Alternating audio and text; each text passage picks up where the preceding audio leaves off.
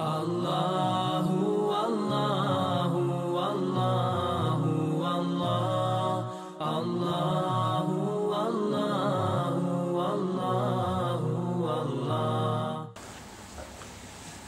إن الحمد لله تعالى نحمده ونستعينه ونستغفره ونستهديه ونعوذ به من شرور أنفسنا ومن سيئات أعمالنا. من يهده الله تعالى فهو المهتد ومن يضلل فأولئك هم الخاسرون. أشهد أن لا إله إلا الله وحده لا شريك له وأشهد أن محمدا عبده ونبيه ورسوله وصفيه من خلقه وخليله ثم أما بعد Mi smo došli do 41. ajeta.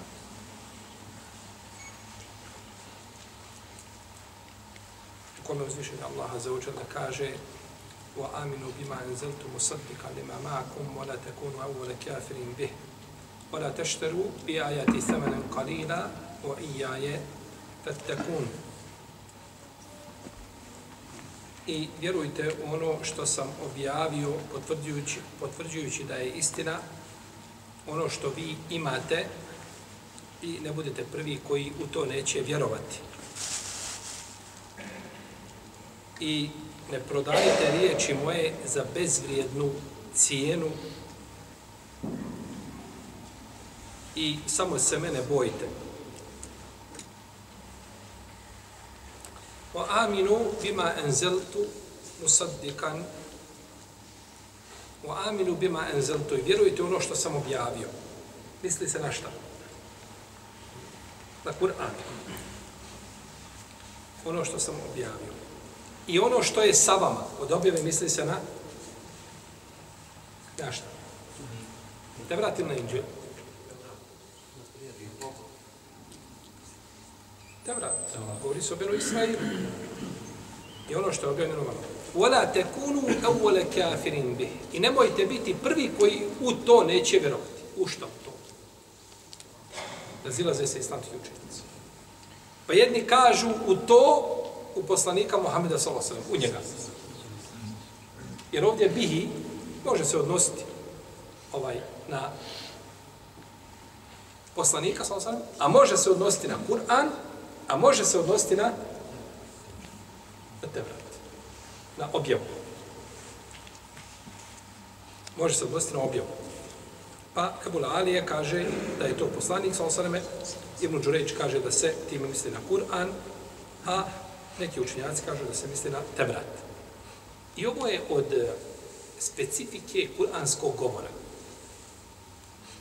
I nema razilaženja. Ko ne vjeruje u, u poslanika, sa on ne vjeruje ni u Kur'an, ni u Tevrat. Ko ne vjeruje u Tevrat, on ne vjeruje ni u Kur'an, ni u poslanika, jer je najavljen u Tevratu on i njegov dolazak, i njegova poslanica. Pa je to znači tim jednim, a, tom jednom zamjenicom, rečeno je znači a, više od onoga što se razumije na prvi pogled. I nema razilaženja znači među ovim, među ovim značenjima. Bilo šta od njih obuhvata i objedinjuje i, i drugo znači značenje. Vola tešteru bi ajati semenen kalila i nemojte, nemojte za a, moje, nemojte riječi moje prodavati za bezrednu, za bagatelnu, za mizernu cijenu. Nemojte moje riječi prodavati za mizernu cijenu. Ovo nam ukazuje da je njihov običaj bio šta? Da to čine. Da tako. Dok ih uzvišeni Allah upozorava na to, znači to je ni običaj. Samo uzvišeni Allah i prikriva, pa ne ispoljava to, ne kazuje nam to javno. Iako je to njihov običaj bio. Da to čine. Jer ti nećeš kazati ovaj, ovaj učenik koji je najbolji učenik u razredu, primjeran u školi, učenik generacije, i pazi se dobro da ove godine ne propadneš. To se ne govori njemu, nego se govori on koji je stalno tako, s popravnom na popravni. Njemu se kaže, pazi da ove godine ne bude. Dok se kaže, nemojte moje riječi, znači vi to činite, ranije ste to radili, to su vaši preci radili, pa nemojte to, nemojte to činiti. Ovdje prodaja riječi Allahovi misli se na njegove naredbe i njegove zabrane ono što uzvišen je Allah Azza wa objavio, da se to ne prodaje za nekakvu dunjalučku vrijednost i da čovjek je tako podložan da mijenja Allahove naredbe, njegove zabrane shodno svojim dunjalučkim koristima. Nego da čovjek se znači drži onoga što uzvišeni Allah te barak je ta'ala objavio i da bude njegova spoljašnjost da odgovara njegovoj nutrini. I njegova nutrina njegove spoljašnjosti. I da je čovjek pred ljudima kao i kada je sam. Ja tako često čovjek pred ljudima kada se nalazi, on tad, jel tako, nastoji da bude što primjerniji musliman. I da se pokaže takvim. A kad se osami, više ta pravila ne vrijedi. I za takva je došla posebna prijetnja u sunnetu poslanika, sa osanem, u hadisu ste u bana koga bilježi imam ibn Mađe, se vjerodostanim lancem prenosilaca, kaže poslanik, sa osanem, le e'alemenne akvamen min ummeti je tune jeume kijameti bi hasenatim emsali džibale tetihim. Emsali eh, eh, džibali eh, tihame, bejdo. Kaže, znam ljude iz moga umeta koji će na sudnjem danu doći sa dobrim dijelima kao bijela brda Tihameta. To su brda između Jemena i Hidžaza koja su bila, velika brda. Kaže, pa će ih Allah učiniti, kaže, rasturenom prašinom. Ta njihova dobra djela. Pa kad su pitali sahabi, ko su ti ljudi, Allah poslaniče, kaže, to su, kaže, vaša braća, sinovi vaše kože, govore vašim jezikom. ولكنهم اقوام اذا خلو بما حارم الله انتهوها ali kaže to su ljudi koji kada se osame prelaze Allahove granice. Prelaze Allahove granice u osam. Pa je čovjeku bitno da zadrži kurs. Kurs da zadržiš i da se ne mijenjaš onako kako a, a onaj ambijent nalaže. Ima hadis koji imama Ahmed od Ibn Omar radijallahu anhuma, vjerodostojan hadis da je poslanik, sam rekao, kaže, li kulli amelin širretun u fatra. Kaže, svako dijelo koje čovjek čini ima svoj vrhunac, ima svoju najnižu tačku u padu. Kaže, فَمَنْ كَانَتْ فَتْرَتُهُ ila سُنَّةٍ فَكَدْ أَفْلَحِ Kaže, onaj čiji, a, onaj ko bude na silaznoj putanji, i bude usmjeren prema sunnetu, ja vam to opisno prevodim. I bude usmjeren prema sunnetu, kaže on je uspio. Znači ti radiš određeno djelo. I to djelo je ovaj a, to djelo je ono ima svoje tako one ovaj nije nije ono uvijek je tako e, isto. Dijagram se taj nekad razlikuje, tako. Nekad je ide na više, pa je u padu, pa je gore, pa je dole. Kaže kome na silaznoj toj putanji, kad ide na niže, kad čovjek osjeti futur, kad osjeti malaksalost, kad osjeti e, nekakvu mrzolju da nešto radi, kome na, u toj silaznoj putanji njegova dijela budu išla ka sunnetu, kaže on je uspio. Omen kane tila gajri zalike fekad heleka, ko bude suprotno tome, on je, on je upropašten. Hoće se kazati, ti kad si mrzovoljan da nešto radiš i kad ti se ne da, gledaj da i tada budeš šta? Po sunnetu maksimalno koliko možeš truditi se. Ma Mahmed kad je bio neprilike bolestan, pa je klanjao, pa jel tako u namazu, određeni način, ne znam, sjedenja i tako da ne mogu čovjeku biti poteškoća, pa je sjedio pa mu kažu, pa i sad dok si bolestan ti, kaže, pa nećemo, kaže, praktikovat sunnet kad smo samo zdravi. Sunnet se praktikuje uvijek. Pa kaže poslanik, sa osaname, znači da hoće kazati ovdje da čovjek nastoji se da uvijek bude da njegov trud i njegov rad i, i njegova težnja budu ka, ka sunnetu. Ka sunnetu.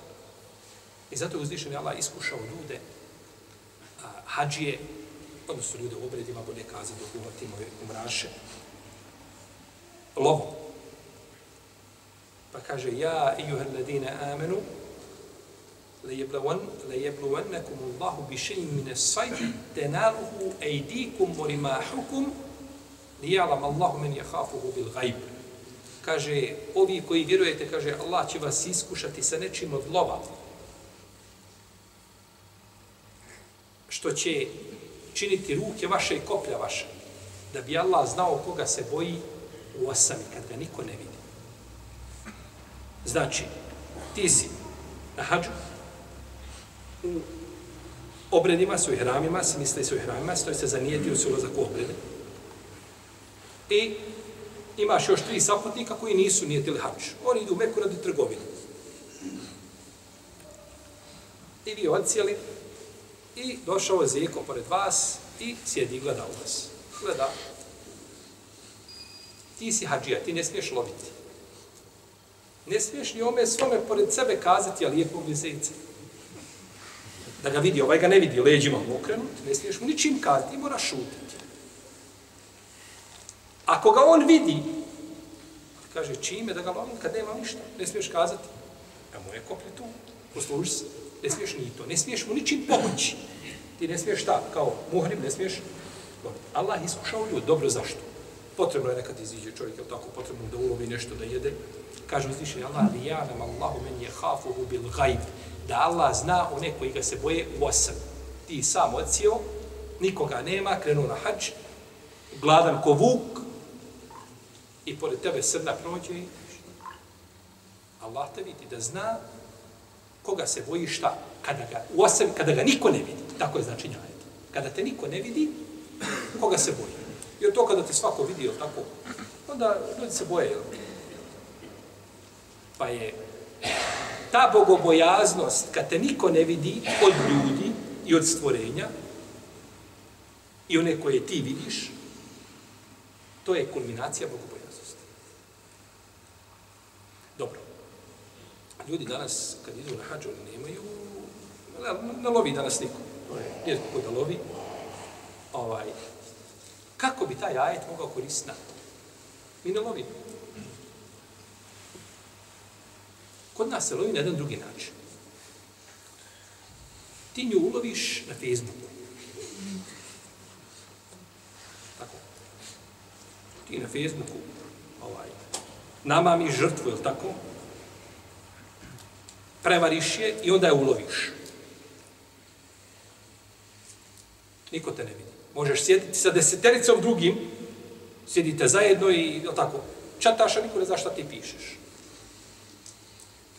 imaš u svome džepu iskušenje za koje ćeš biti pitan na sudnjem danu. Možda prije mnogih drugih stvari u životu koje si činio, bit ćeš pitan za to iskušenje koje ti u džepu. Jer to iskušenje je ovaj, iskušan sa njim 24 sata, ne odvajaš se od njega. Iskušenje, ne znam, ogovaranja je onako kad naleti neko. Ja tako. Iskušenje rasipništva kad ti nešto, kad imaš priliku nekakvu, ali iskušenje onoga što imaš u tvome džepu je puno veće iskušenje. Pa tako da, ovaj, čovjek tamo nešto lovi, traži, gleda i onda napravi belaj sebi i u, i u svojoj porodici i drugima napravi belaj i rastavi muža od žene i problemi šta se dešava kada bi tome neko htio opisati, bojim se da ta biblioteka ne bi mogla nikako stati u jedan manji grad. Da bi bio tjesan za tako, šta se dešava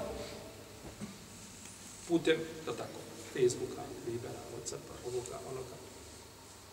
I ti imaš, čudno da ti imaš tako jedan program koji ti možeš izvati, besplatno zoveš, pišeš poruke, po vas dan sjediš i ništa ne plaćaš. I, I sebi ga skineš taj program, i instaliraš ga samo jedno, jednim klikom. Više nisu ni klikovi, nego sad su dodiri blag jedan dodir, instalirano, završeno. Sve drugo, čak i kad pišeš, ako pogrešiš, popravite. Nemoj joj tako kazat, kazuje, kazuje lijepo da to bude, da tako, gramatički ispravno.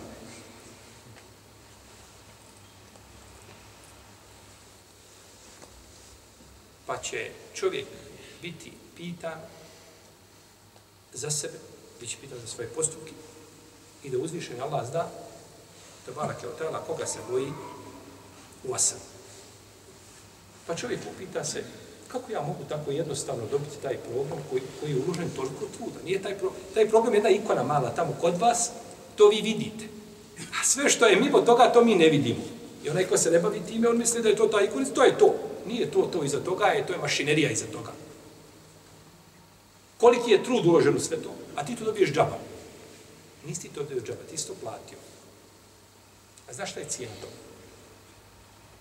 Tvoj ahlak. Tvoja vjera.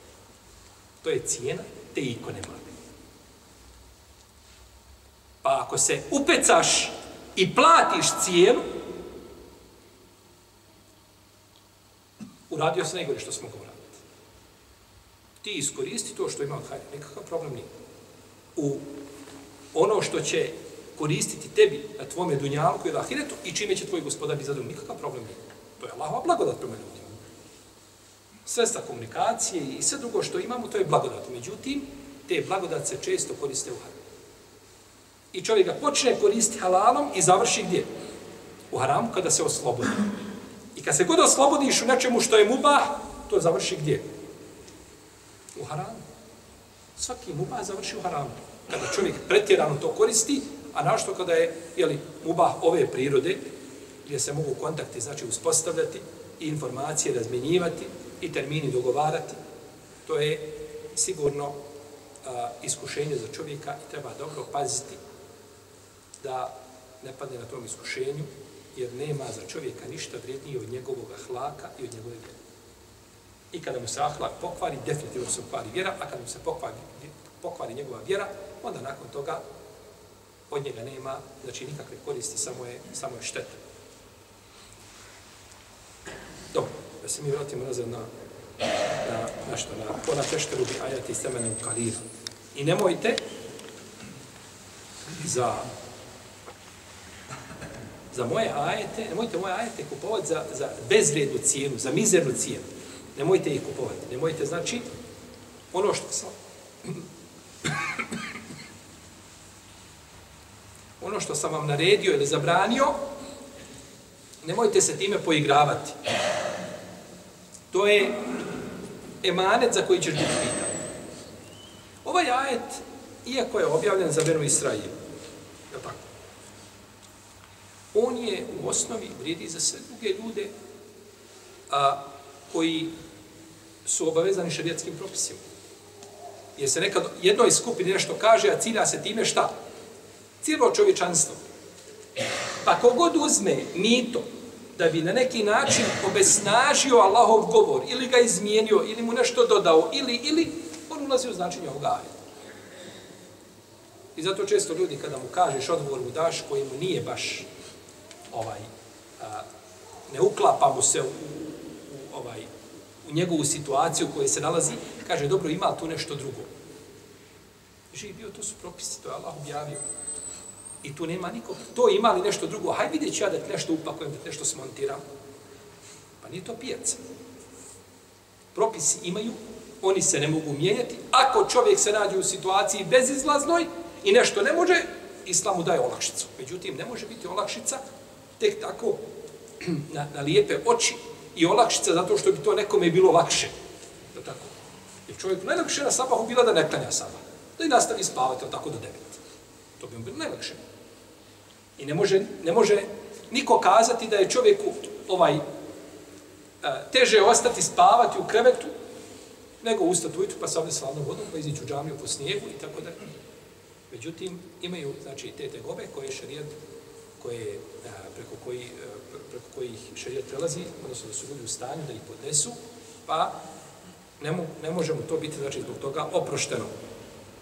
Pa je izmjena Allahovog govora znači od najvećih, od najvećih grijeha koji mogu biti. Isto tako da čovjek neće da pouči ljude a nakon što je njegovo poučavanje ljudi postala obaveza. Isto ulazi u značenje ovih ajeta. Ili da neće a, da svoje znanje širi osim ako neko plati. Dužan si da preneseš, nema niko drugi, i čovjek uslovi kaže neću dok mi niko šta, dok mi neko to ne plati. I na takav način da spriječi ljudima, znači, za nje kome se poučio, to je, to je neispravno. Jer čovjek prije nego što počne učiti, on ima pravo da, da uči ili da ne uči. Da odabere. Ako je fat kifaji, to je kolektivna obaveza, ako ima dovoljno ljudi, onda je lijepo čovjeku da uči, u protivnom ovaj, nije ni fat kifaji, jer ima dovoljno ljudi koji poučavaju, iako je to danas na globalnoj je tako, sceni ovaj, nije zadovoljena ta potreba. Međutim, kada naučiš i dođeš, ne možeš se zaustaviti, moraš poučavati ljudi i moraš im govoriti. Moraš, znači, objašnjavati onoliko koliko si u stanju i koliko si u mogućnosti. Kaže, uh, uh, evo u reda da je poslanik sa rekao u Azijsku, da bilježi vam Ebu Dawud sa vjerodostanim lancem prenosilaca, kaže men ta'leme ilmen ima yubtega bihi vočku Allah la yu'allimuhu illa li yusibe bihi arada min ad-dunya lam yajid lam yajid arfa al-jannati kaže ko bude učio znanje koje se uči isključivo radi Allahovog lica, radi njegovog zadovoljstva, a ne uči ga osim da bi dobio nešto dunjavnog. On dok je krenuo u prvi razred medrese, on je već zacito sebi da bude šta? Na nekakvom položaju. I to, i nakon toga, ovaj, njegovi fakultet, i sve njegovo učenje, i trud, o, ovaj, i pisanje seminarskih radova, sve je usmjereno da on dođe na to mjesto. Znači, radi i uči znanje koje se uči samo radi Allaha. Jer znanje koje se uči radi Allaha, to je šerijatsko znanje isključivo, ne može se učiti izbog koga druga. A ko bi to učio da bi time dobio nešto od Dunjaluka i da bi Dunjaluk zadobio, kaže poslanik, neće osjetiti miris džerneta na sudnjem danu. Nikako. Iako je bio, znao, naučio, ali nisu učio radi uzvišenog Allaha. Pa je, to je, to je problem veći da čovjek očisti svoj nijet. I da bude, da, da, da riješi taj problem sam sa sobom, to mu je teže nego da prenese brdo s mjesta na mjesto. Samo što čovjek ne može da vidi svoj nijet, da je to nešto materijalno, pitljivo, pa da vidiš kako je to truhlo, gdje god dirneš da, to, da, to ruš, da, da, da je to odron, da se ruši. E onda bi čovjek shvatio da ima problem. Međutim, budući da je nijet nešto što je skriveno, srčano djelo, ne može čovjek doći do njega, onda je čovjek uvijek ima lijepo mišljenje što o svome, o svome nijetu. Možda ponekad pomisli da nisam pretjeru u nijetu, da mi nije previše dobro. Da, nije, da nisam previše iskren A u stvari, Sufjane Seuri je govorio, kaže, sve sam mogao riješiti probleme sa svojom. Nikad ništa nije predstavio problem, osim, kaže, nije. Uvijek sam, kaže, sa njim probleme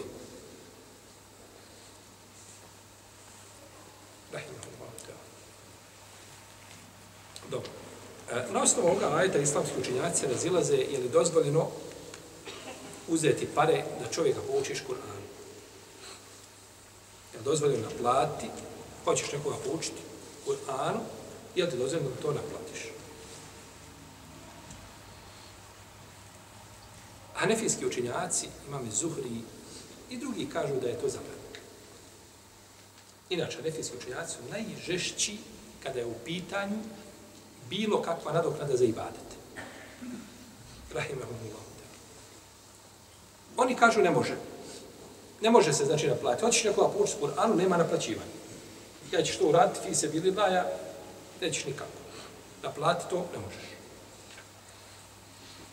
I naravno, njihovo znači, mišljenje ima svoje mjesto, ima svoju težinu, ima svoje argumente. Kažu, poučavanje Kur'anu je ibadet. A za ibadet treba šta? Nijet. A nijet, gdje ima nijeta, nema čega. Nema materije. Znači, to se mora razvojiti. Gdje ima nijet, nema materije. I ne može se to, ne može se to naplaćivati. Kaže uzvišenje, Allah kaže, vona te što bi ajati, semenom kalila. I nemojte za moje ajete, nemojte moje ajete kupovati za bagatelni cijek. I to je njima jedan od dokaza Kažu, ako je to plaćeno, koliko voda plati, što je bagatelno? Jel se Kur'an? Pa kažu, to je bagatelno. I dokazuje također hadisom Ibn Abbasa, u kome poslanik sa osrame kaže Muallimu, muallimu sibjanikum širariku, širarukum. Kaže, uh, učitelji muallimi vaše djece su, kaže, vaše najgori. A kalluhum rahmeten bil jetimi, wa aglazuhum ala miskin, kaže, najmanje imaju milosti prema jetimu, a kaže, najgrubliji su prema miskinu. I ovaj hadis, u njegovom lancu prenoslaca ima Sa'id ibn Tarif, za koga imam ibn Hibban al-Busti u svome dijelu Međuruhin, kaže da je lažo. Da je lažo. Doćemo do njega šta autor kaže. Rahimahullah. Imamo i hadis Ebu Hurere u kome kaže da je poslanik sa osaleme e, upitan o muallimima, učiteljima, tako, pa kaže dirhemuhum haram, o seubuhum suht, o kelamuhum rijan. Kaže njihov dirhem koji zarade je haram. I odjeća koji imaju haram. I ka, a njihove riječi su pretvaranje, rijan. Njihove riječi su pretvaranje rija. Ovaj hadis je munker. Kako kaže Omar Abdul Bar, kaže da je hadis munker, znači da je hadis ništavan batil, da ne vredi, znači da ne vredi spomen. I imamo hadis, ponajbolji hadis u ovome hadisu Bade u Kaže, kod je Budavuda u Sunanu, kaže, poučio sam, kaže, neke ljude Kur'anu, pa mi jedan od njih poklonio luk od strele. Pa sam rekao, kaže, luk od strele, kaže, to nije, kaže, imetak. Uzet ću ga, pa ću pitati poslanika za Pa je pitao, kaže mu, ako te raduje, kaže, da budeš obavljen lukom od vatre, kaže, uzmi. Šeha Albani kaže za ovaj hadis je vjerodostojan. Ako te raduje da budeš obavijen lukom od vatre, uzmi. Hadis jasar ko dan da je šta? Da je zabranjeno uzeti nakradu onome ko pouča nekoga Kur'ana. Dobro. S druge strane imamo većinu učenjaka koji kažu dozvoljeno. Šta kažu? Dozvoljeno. To je stav Malikija, i to je stav Šafija, i to je rijedan i vajtud imam Ahmeda, i to je mišljenje odabro, Ebu Saur. i to su odabrali, to je fetva kasnijih hanefijskih učenjaka iz kasnijih generacija. Ponekad u samom mesebu ima šta? Imaju dva, tri mišljenja po određenom pitanju. Iako možu zvanično da je u mesebu nešto, ali ima znači učenjaka koji su protokazali tome. Hanefijski učenjaci iz poznijih generacija drže se mišljenja džumhura, a ne drže se mišljenja koga? Starih anefijskih učenjaka. Pa kažu da je dozvoljeno. A ima hadis jasan šta? Da nije tako. Dobro, šta onda, kako onda većina učenjaka dokazuje? Većina učenjaka kaže ovako. Mi, kaže, imamo hadise koji govore da je dozvoljeno. Dobro, koji su to hadise? Imamo, kaže, hadis Ibn Abasa, da je, a, kada je su ashabi proučili onome čovjeku rukiju, i hadis Ibn Sibir Hudija, kada je proučena rukija, kada je proučio jednom čovjeku rukiju, pa ga izliječio fatihom, u hadisu Ibn Abasa se kaže da je poslanik, sal sam rekao, inne haqqa ma ehaztom alejhi ajran kitabullah. Kaže, najpreče, najzaslužnije za šta vi možete uzeti nadoknadu, jeste, kaže Allahova knjiga. Je to dokaz da je dozvoljeno? Jeste. Ali problem, jedan dio učenjaka kaže, ej, nije tako. To je dozvoljeno za rukiju. To je liječenje. Pa je učenje Kur'ana za svrhu rukije liječenja šta? Nije isto kao poučavanje nekoga Kur'anu. Pa se kaže razlika. Pa ovi učenjaci drugi im odgovaraju Ovaj, svađaju se učenjaci, tako? Učenjaci odgovaraju jedni drugima razumima, a ne odgovaraju srcima. Pa srca ostaje jedinstvena, a različuju se samo razumi i svatanja i poimanja, a srca ostaje jedinstvena. I to je razlika između učenjaka i oni koji to nisu.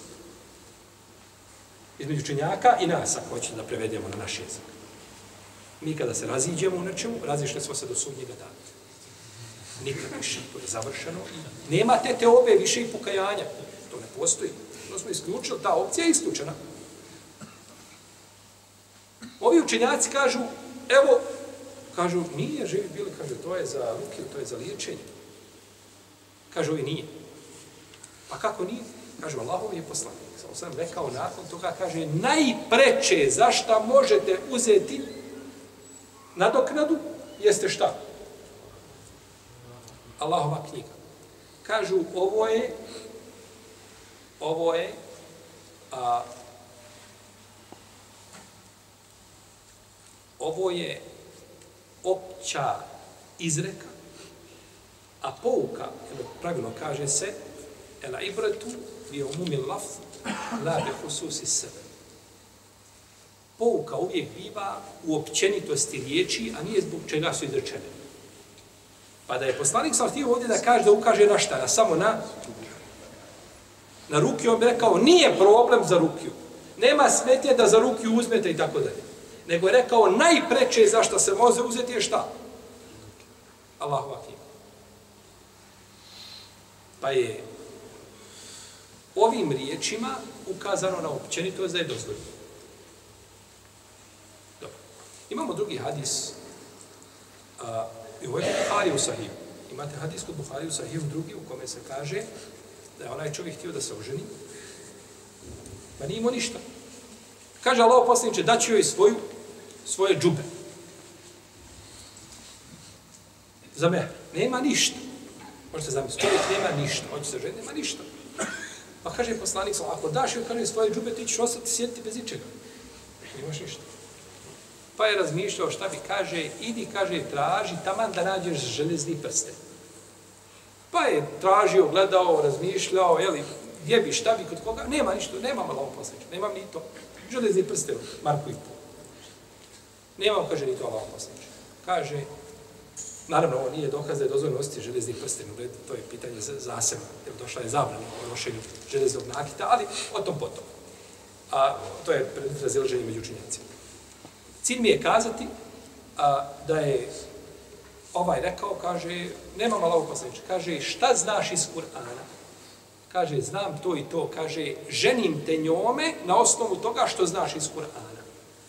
A kod, u Rivajetu kod Ebu da se kaže, idi, kaže, i pouči je ovaj, tim ajetima, ti 20 ajeta koje znaš, i ona ti je, kaže, žena. Da je pouči čime? Da je pouči Kur'anu, a ta pouka Kur'anu biva šta? Mehr, nadoknada mjesto para. Mehr je materija. Pa je platio mehr čime? Naplatio to učenjem Kur'ana. Kaže, ovo je hadis koji je šta? Dokaz da može, da se može, znači, učiti I ovo mišljenje su odabrali leđna, savremena, najveći kolegi, stalni kolegi u Saudijskoj Arabiji, šehi ibn Sejmin i drugi učenjaci su odabrali, znači, mišljenje o dozvoli uzimanja nadoknede za šta? Za poučavanje Kur'ana. Dobro. Ajet, ovaj ajet, učenjaci kažu, on je objavljen veru Israiju i to je šerijat onih prije nas. A da li je šerijat prije nas, šerijat nama i vjerozakonik nama predmet je razilaženja među učenjacima islamske jurisprudencije. Uveliko se razilaze po tom pitanju. To je jedno. I drugo, ovdje postoji mogućnost a, da se ajetom cilja da čovjek koji je dužan da pouči, ponekad obaveza u jednom gradu imate čovjeka koji sam zna nasljedno pravo, sam zna bračno pravo, sam zna određenu nauku učio koji drugu ljudi kirajete. Ne zna niko tu kirajete nego on, ne zna niko. I obaveza njemu šta? Pada obaveza na njega kao jedniku da šta? Da poučava druge ljude. I on kaže, neću dok mi, dok mi ne plati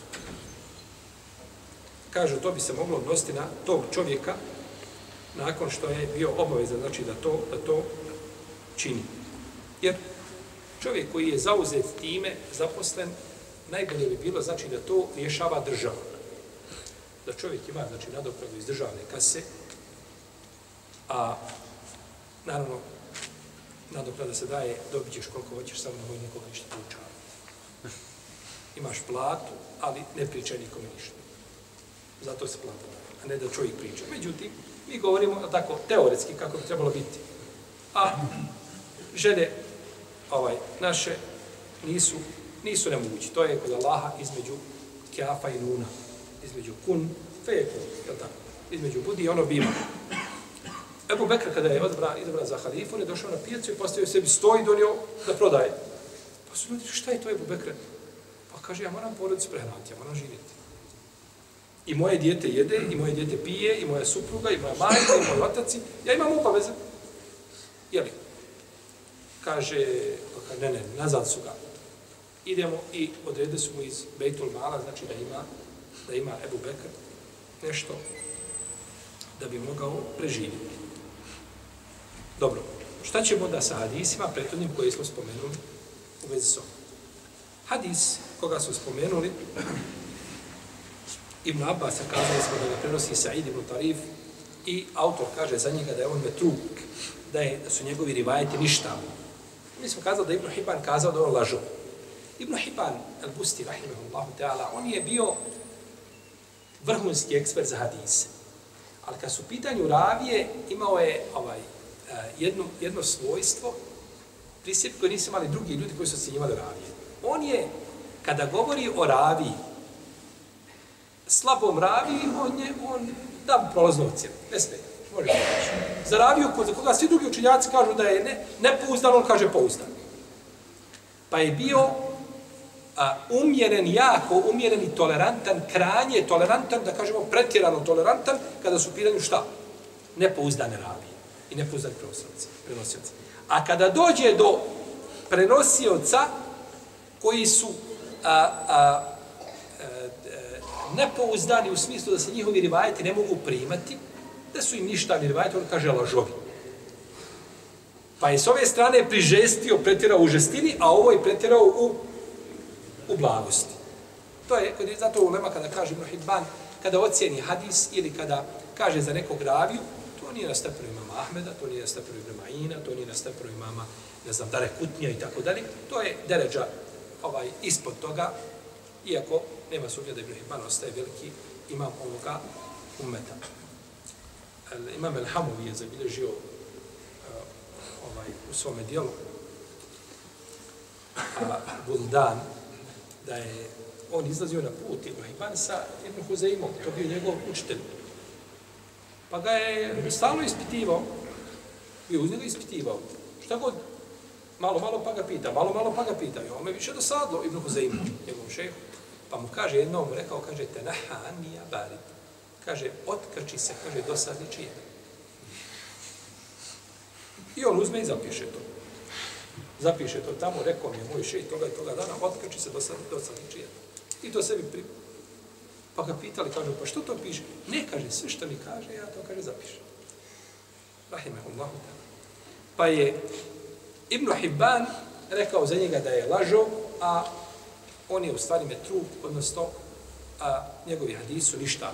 To su stepeni u, u hadiskoj nauci, u odbacivanju ravija, pa nije dozvoljeno kako nije dozvoljeno nekome dati prolaznu ocjenu koje ne zaslužuje, tako nije dozvoljeno za čovjek kazati da je lažo, a njegovi u stvari hadisi ništa lažov i onaj čiji se nisi ništa, čiji se u potpunosti odbacuju, velika razlika među njima. Jeste. Dobro, imamo dalje, šta smo kazali? Imamo dalje hadis.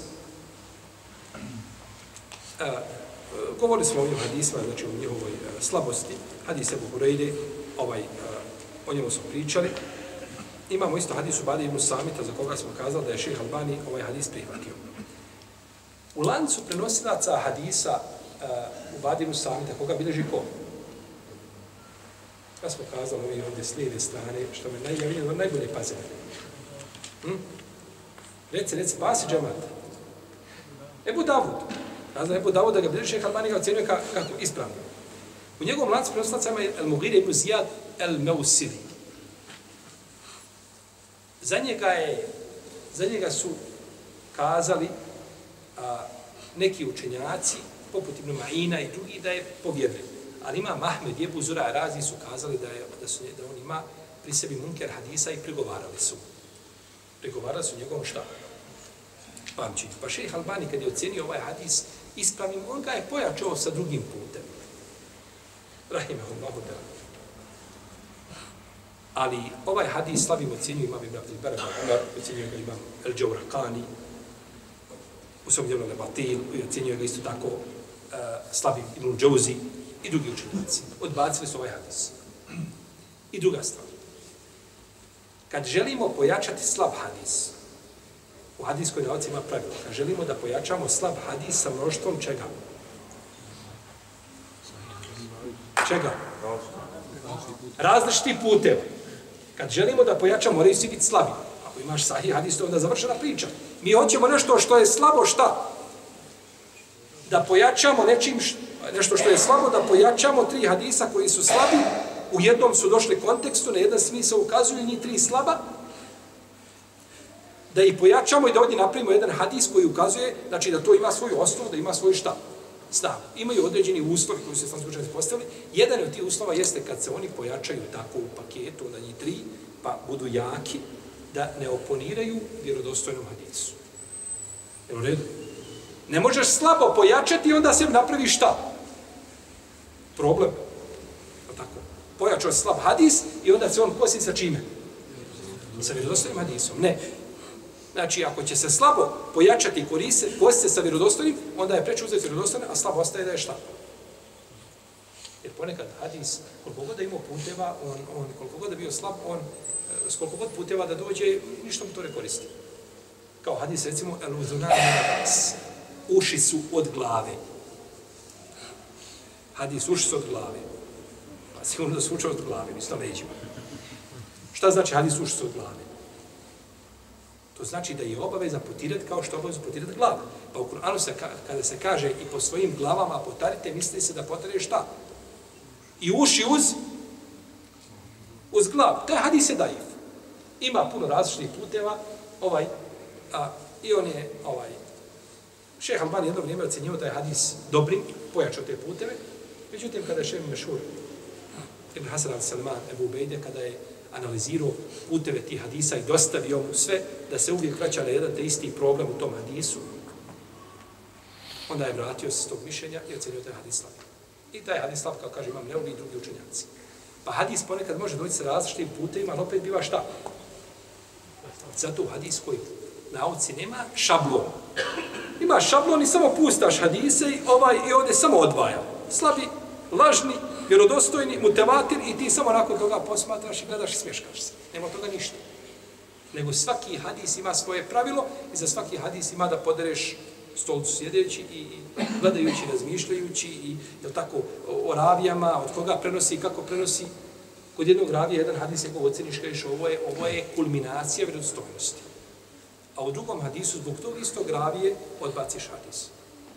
Kaže, zbog njega sad odbaciš. Pa kaže, jesi ovdje rekao da je ne, da ne, jeste kad prenosi od ljudi koji su iz njegovog mjesta. A kad prenosi od Šamija, kad ode u Šam, nije imao knjiga sa sobom, oslavio se na pamćenje i brkao. A u svome mjestu je pisao hadise i sve iz knjiga čitao i prenosio iz knjiga i to mu je sve vjerodostavio.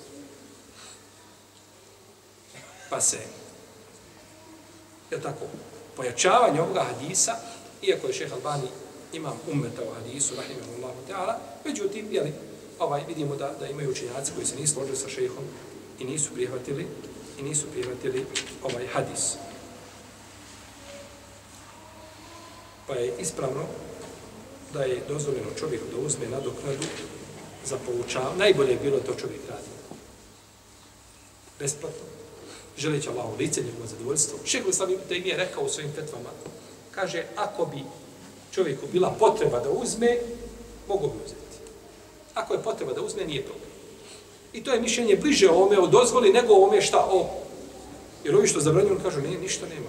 Ima pijaca, ideš, radiš na pijaci, prodaješ i onda dođeš poučaš nekoga. Ali nećeš uzeti od...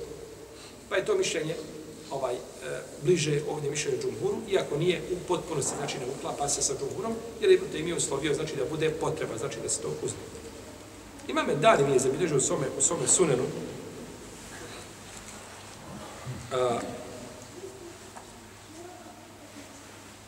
od Dahaka ibn Musa, Musa kaže da je došao Suleiman ibn Abdel Melik, da je došao u Medinu. A on je bio halif. Došao u Medinu. Pa kada je došao u Medinu, odsjeo nekoliko dana i kaže, ima li ovdje u Medini neko ko je doživio ashabe poslanika, sallallahu alaihi sallam. Kažu, ima. Ko ima? Kaže, ima Ebu Buhazi. Selem ibn Dinar. Selem ibn Dinar je poznati učenjak šejh Medine i Mahzumija poznati tabi.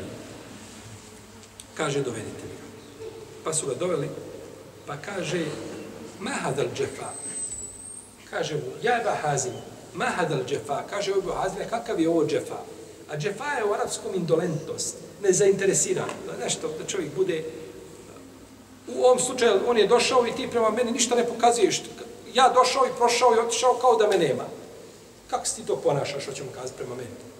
Kaže, a kako si ti to indolentnost primijetio, kaže, od mene ogledan upravo vjernik. Kaže, pa svi su mi dolazili, halifa, došao, svi prilazio, tako i rukuju sa mnom, i selame se, i ehleno, sehlen, dobrodošli. A kaže, tebe nigdje nema. Kaže, ja si ti, kaže, nikada prije ovoga nismo, kaže, poznavali da ja tebi dođem. Ja sam prvi, ja sam kada samo čuo za tebe, ti si možda čuo za mene, možda nisi čuo i nismo se poznavali da ja moram tebi, da ja tebi sad nakon toga da ti dođem. Kaže mu, istinu si, kaže, rekao, tako je, upravo si. A, okre, to je bio i Muhammed Bušabe Zuhri, pa kaže, pa se okrenuo prema njemu, kaže, istinu je, kaže, rekao, istinu je rekao Ebu, Ebu Hazim. Pa je rekao, o Ebu Hazime, kaže, gdje mi reci, kaže, šta je, kaže, nama, pa mi mržimo, mrzimo smrt. Kod ljudi koji su bogati, koji su na pozicijama, koji njemu samo ne spominje smrt. I to je ono čega se danas zapadnjaci najviše boje. Kad dođe kod doktora, djedo dođe kod doktora, uđe, četverica ga bode. Znači, može hodati ako ima četiri osobe da su tu uz njega. I kad sjede na stolicu, doktor ima ga, vidite, kaže gospodine, vi ste tako mladi. I vi, on njemu mora prvo ispričati priču, znači kako će on, mora mu dati nadu, kako će on joj živjeti. To se ne, ne može se kazati koliko ćeš ti oživjeti. Jer samo smrt ne spominje ljudi. A to, to samo nema kod vjernika. Kod mu'mina, smrt, Allahu ekbar. Wallahi, umirati je sad ili kasnije. Šta je rekao Musa, ali kada je, kada mu je rečeno, stavi ruku na, na, na, na kožu bika i koliko bude dlaka, toliko će živjeti. Kaže, šta posle toga smrt? Kaže, onda sad teško će se proći. Sve će to proći. Ovaj, ja ne bi sada da prozivam ove naše ovdje starije mladiće, da nam govore kako to 30-40 godina, kako prođe kod dlanom dlan. I život je dug samo kada ga gledaš naprijed. Kada nekom kažeš još 30 godina ćeš čekati, ne znam, da se podijeli imovina od babe, on je izgubio sve nade. To, nešto mu to plavo dugo bude. A kada mu kažeš 30 godina prošlo i da mu kažeš evo ti dva lista A4 formata i ispiši nam šta si, ispiši nam 30 godina na, na, na ta dva lista, neće moći napuniti. Napisat će pola lista i kad Boga ne sjećam se više neće. Da je proletao kod lanova dlana. To je život. A to čovjek ne zna nego kada mu prođe. Samo kada mu prođe.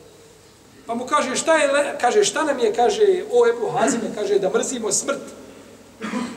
Kaže, znaš zašto, kaže, mrzite smrt? Kaže, zato, kaže, što ste izgradili vaš dunjaluk, a vaš ahiret. Pa vam kaže, teško iz izgrađenog ruševina.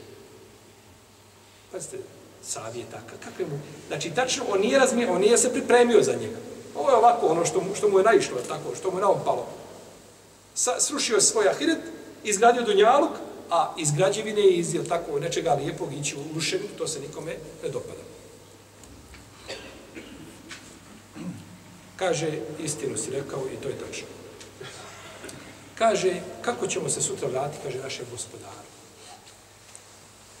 Kaže, onaj koji je bio dobročinitelj, kaže, vraća se svome gospodaru, kao čovjek koji je odsutan pa se vraća svojoj porodici. Otputovao babo, tri mjeseca, nema ga i kažu sutra dolazi babo. Nema spavanja te večeri, jel tako? To se sve baloni se na, na, na jel tako, da dumaju, to se okači, sve dobro došao babo. Niko ne, svako čeka da, da to, jel tako, da se kaže kasnije autobus 15 minuta, to je musibet.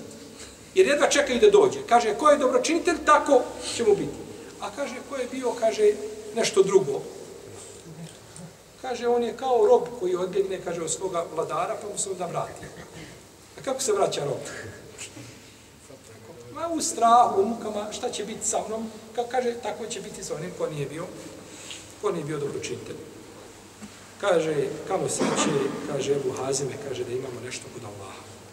Kaže mu, kaže, gdje svoje, kaže, svoja djela, kaže, u e, vagni na Kur'anu, Kur'anom ih, kaže, izvaži, pa ćeš vidjeti gdje si šta si. A kaže, kojim, kojim ajetom da ja to uradim? Kaže mu, ajetom, innal ebrare lefi na'im, o innal kuđare lefi džahim. Riječima ajeta, ili ajetom kojom uzvičan Allah kaže, čestiti će biti u džennetu, a, a griješnici će sigurno biti u džehennemu.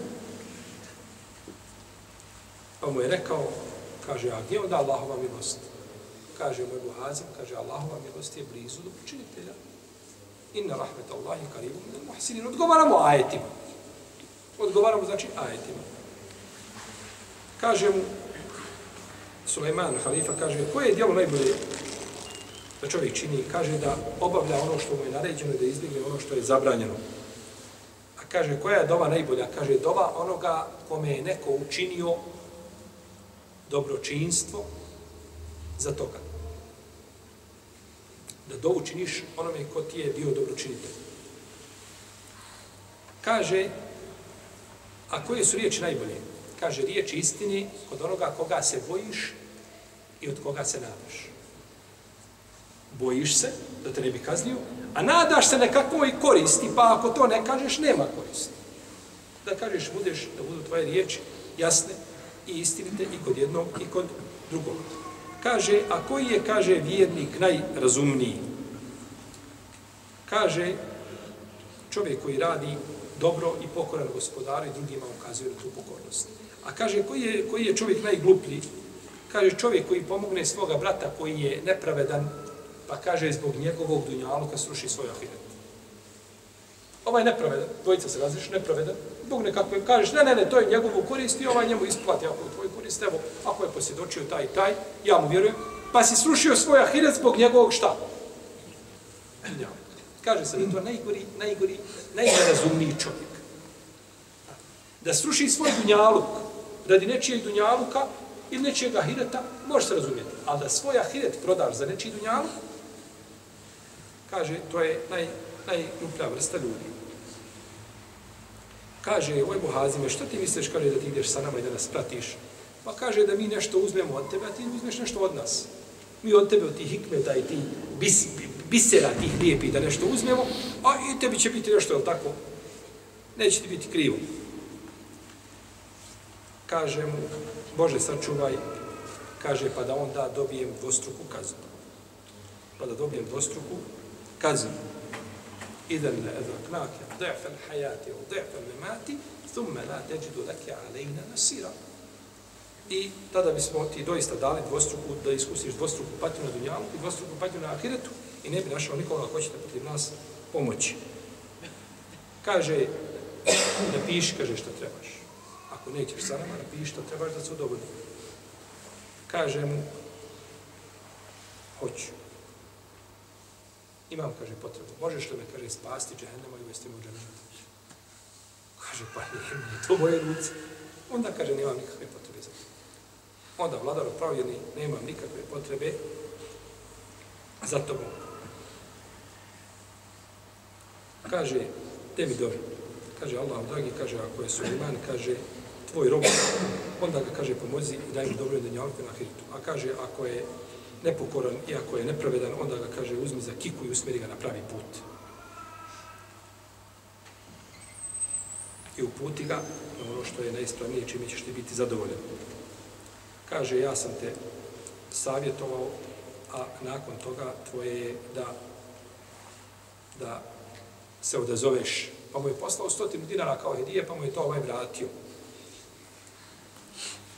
Vratio mu, kaže, bojim se da ne bude ovo što sam ti rekao, da ovo bude cijena ovoga. Kaže, pa sam ti to vratio nazad Musa, ali islam, kada je došao i kada je napojio onim djevojkama stoku. Šta je rekao? kaže, odmaka, odmakao se u, u hlad i rekao, Rabbi inni lima enzelte ilaje min hajdim fakir. Kaže, meni šta god da se objaviš, ja sam od dobra, ja sam to potreban. Pa su, pa su ove djevojke došle kući i kazale babi. Šta je bilo? I babo razumio da on glada. A ovi pastiri nisu, niko drugi ne razumio. On je odmah kao se i gladan. Nije iš hodao, toliko nije išao, stomak se za leđa zalijepio, ništa nema. I otišao u hlad, nakon što napojio, kaže, ništa nema. Od ulu lazmi minar rusu. Ko je od vas, braćo, sjeo u zadnjih deset godina, tri dana da nema ništa jesti, da negdje, negdje sjeo i kaže, gospodaru, ako mi, ako mi ti daš izlaz, imam protiv mene. A najbolji čovjek koji je ikada kročio po zemaljskoj kugli od peterice najbolji, definitivno. Musa alaih. Poslanik koji je najviše spomenut u Kur'anu. Po imenu direktno. I njegove priče najviše spomenut u Kur'anu Musa alaih. Nema ništa. Pa je Došao kod Šuajba, kaže se da je bio Šuajb, iako nema dokaza da je to Šuajb, bio poslanik, da je to bio jedan čovjek od Medijena, dobar. Preče je tako kazneno da je to Šuajb. Međutim, poznato je kod i u Fesira i drugi da je to Šuajb. Kaže mu, jedi, stavio hranu. Kaže, neću, neću da jedem. Kaže, neću, kaže to, da to bude protiv usluga za ono što sam napojio. Pa rekao, kaže, nije, kaže, kod nas je običaj, kad čovjek dođe, kogu dođe, mi mu postavimo da jede i da pije. Nisi ti sam, da, da nisi napojio, to bi tebe čekalo. Pa je onda prišao, prišao onda i, i jeo. Pa čovjek koji uradi nešto radi Allaha uzviše, ne treba to nakon toga da zato traži na dobro. Neki učinjaci kažu da se hadis u Badi i Samita odnosi na čovjeka koji je šta? Da je on poučio ove ehlu sufra. Ko su bili ehlu sufra? Gosti Islama. Ljudi ništa nemaju u džamiju. Šta mu ko donese u džamiji, to ima. Ništa drugo nema. Pa postoji mogućnost, kaže, da je poučio ga tome i kada je poučio, onda nakon toga što je to uradio radi Allah, se onda nakon toga dobio šta? Nadobro. A u protivnom, prije toga da se dogovor postigne, ili ima nekakav dogovor da se pouči Kur'anu ili nešto nauka kuranski i tako dalje, kod većine islamskih učenjaka u tome, u tome nema smetnje i naročito što bi to moglo dovesti u mnogo slučajeva da ljudi da ljudi a, ne pouče, da ostaje poučavanje. Tako. Što ne govorimo kako ovaj, institucije, tako u dalje imaju fakulteti i slično tome, kada bi, bila, kada bi ta zabrana bila na takav način, onda bi to bilo problematično i time bi se uskratilo učenje u veliku. Kaže poslanik sa osanem u hadisu, koji imamo Trimizije, neka kaže nikoga a, ne spriječi od vas mjesto koje neko uživa da mu kaže istinu kakva god da bila. Znači da čovjek kaže istinu nekome, ali istina se naravno govori znači na lijep, ne mora znači da čovjek govori nekom istinu da mora biti grub. Istinu i onda se istina govori kako ima potrebe da se kaže. Imate danas ljudi kaže nešto od vladara, neko nešto uradio, a kaže gdje ulema? A što ulema šuti, a što ulema ne priča? Zašto što ulema šuti, što ulema ne priča? Zato što ulema nije kojiti. Zato što ulema zna kako se vladar savjetu. Še Ibn Baz je pisao pismo Gaddafiju. Napiše pismo Gaddafiju i tako i da savjetuje, to je njegovo što treba dobro. A to što ti misliš što se izlazi, i odmah iziđe na, na ulicu ministar, ne znam, kralj, vladar, ti odmah na, na, za prsa ga uhvatiš i streseš ga iscipela, da ide, da tako i ti njemu, očitaš mu bukvicu i on sutra se probudi drugi insan, drugi čovjek. Nema toga ništa. Toga nema ništa. Ehlu sunet od džemat radi to na drugi način. I ulema ne šuti. Ulema znaju, ulema zna ono što se čini, ali znaju put i način kako da šta. Da ukažu na zlo. A mi kada ukazujemo tako na zlo, to se ukazuje tako na na drugi način.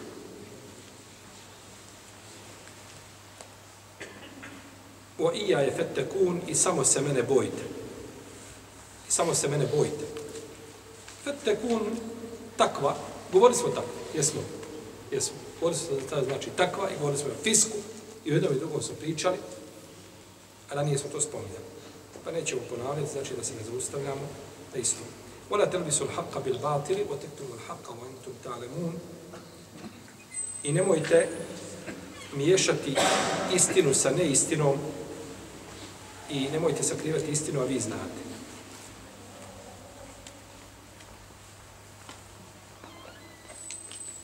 Ne poznaje se istina po ljudima, nego se ljudi poznaju po istini. Ljudi se poznaju po istini. I ko želi da skrene ljude sa pravog puta, ima imaju dva načina. Iako svaki od tih načina u sebi ima raznorazni vidova i boja i dimenzija, to je nešto drugo. Ali su dva osnovna puta, a to su. Čovjeku do koga su došli dokazi. I jasno. došli dokazi, on vidi to jasnim, onda ti dođeš i onda njemu praviš zbrku u tome šta što zna. U tome što je saznao, ti mu to mutiš. Da mu to izbiješ iz glave, to razumijevanje. I drugo, ako to do njega nije došlo, onda spriječavaš da to do njega dođe i kriješ to. Iako svaki od ova dva puta ima u sebi različiti, može se manifestovati na stotine i hiljade puteva različiti. Ali su osnovni je šta? To su ta dva osnovna puta. Ili mu predstavljaš ružnim to, evo, islam i mi ćemo vam pričati u islamu i kako je islam i mi vam tefsirimo islam, ne treba nama baš tefsir islama. Mi imamo tefsira hiljade napisani, imamo dovoljno o tome pričano da ne trebamo da nam dolazi danas, da nam dođe ovaj a, a, osoba možda koja nikada Allah na seždu nije pala i da, da nam tefsiri Kur'an. To mi ne trebamo. I drugo, ima istina, ali ljudi, ljudi je kriju, znači da ne dođe do ljudi. Pa sto dva osnovna puta i načina, je tako, kako se istina sakriva. Znači, ovdje imamo šta? Imamo, a, nemojte miješati, hak sa batilom, sa neistinom.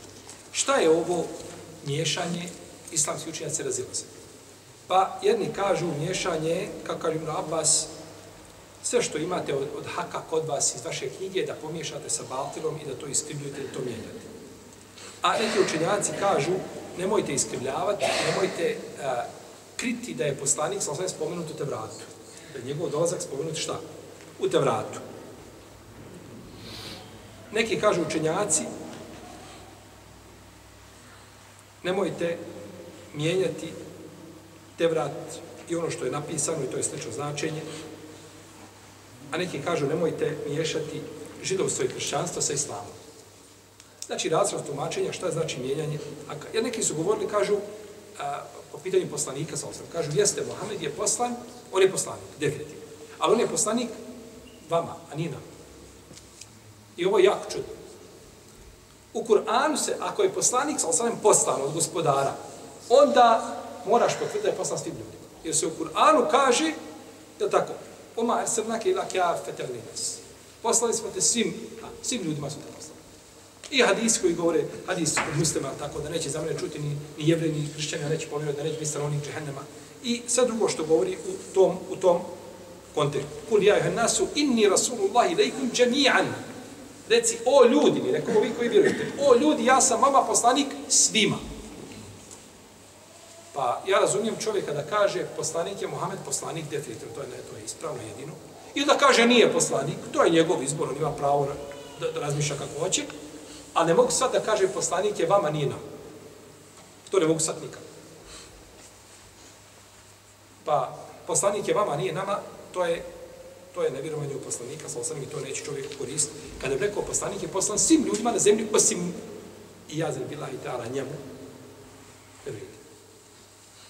Ne vrijedi. On je poslan svim ljudima na sudnjeg Pa je a, najispravnije da se ovdje misli na bilo kakvo mijenjanje onoga što imaju, kako kaže Ibn Abbas. I nemojte kriti istinu, nemojte kriti, znači, kažu neki učinjaci da je poslanik sa osreme najavljeni da će doći, jer su oni znali dolazak poslanika sa osreme. Došli su neki potomci Haruna, ali i da stanuju u Medini, da žive u Medini. Pa, kad su došli u Medinu, čuli su došao poslanik sa osreme. Oni su znali da će on tu doći, pa su ga čekali, čekali, čekali, pa su očevi umrli, pa su došli potomci. Kad su došli, onda nistili povjerot u njega, فَلَمَّا جَاءَهُمْ مَا عَرَفُوا كَفَرُوا بِهِ A kada mi je došlo ono što su znali, što su poznali, kufr su počinili. وَكَانُوا مِنْ قَبْلُ يَسْتَفْتِحُونَ عَلَى الَّذِينَ كَفَرُوا I prije toga su mušicima govorili, kažu, vidjet ćete vi kad dođe naš poslanik, šta će on vi uraditi. Neće vas biti. Zapamtit ćete dobro. Oni su se ovaj, ponosili se poslanikom koji će doći, očekivali da će biti od njih. Kada je došao drugi, kažu, pa znadite li kao što znate sinove? Kažu, znamo. Pa šta sam? Kažu, neprijateljstvo do sudnjeg dana. Zna istinu i Kaže, i kada im je došlo ono što su znali, nema sumnje.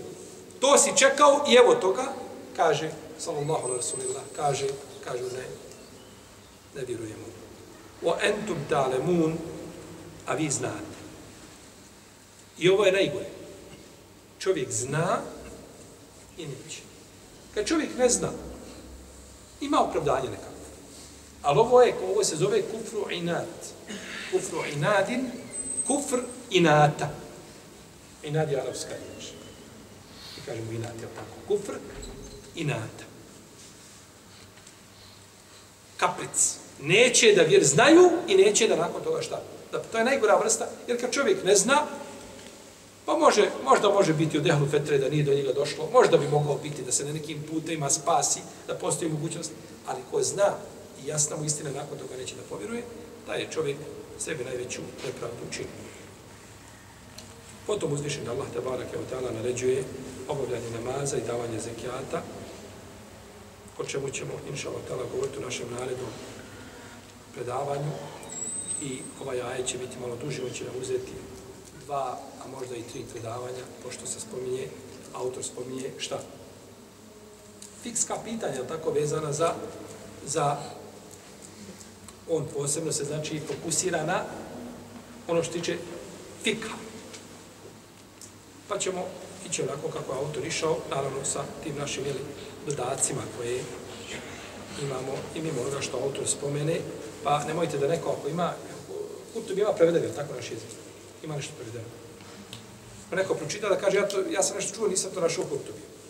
Znači, osnova je po tefsiri imama Kurtubi, međutim ne ograničavamo se na, na ono što je samo imam Kurtubi kazao, nego znači može biti nešto mimo toga, pa da, da neko ne misli da ne pripisuje ono što imam Kurtubi, ono što nije kazao Rahimah Allah, Allah, Allah, Allah, Allah, Allah, Allah, Allah, Allah, Allah,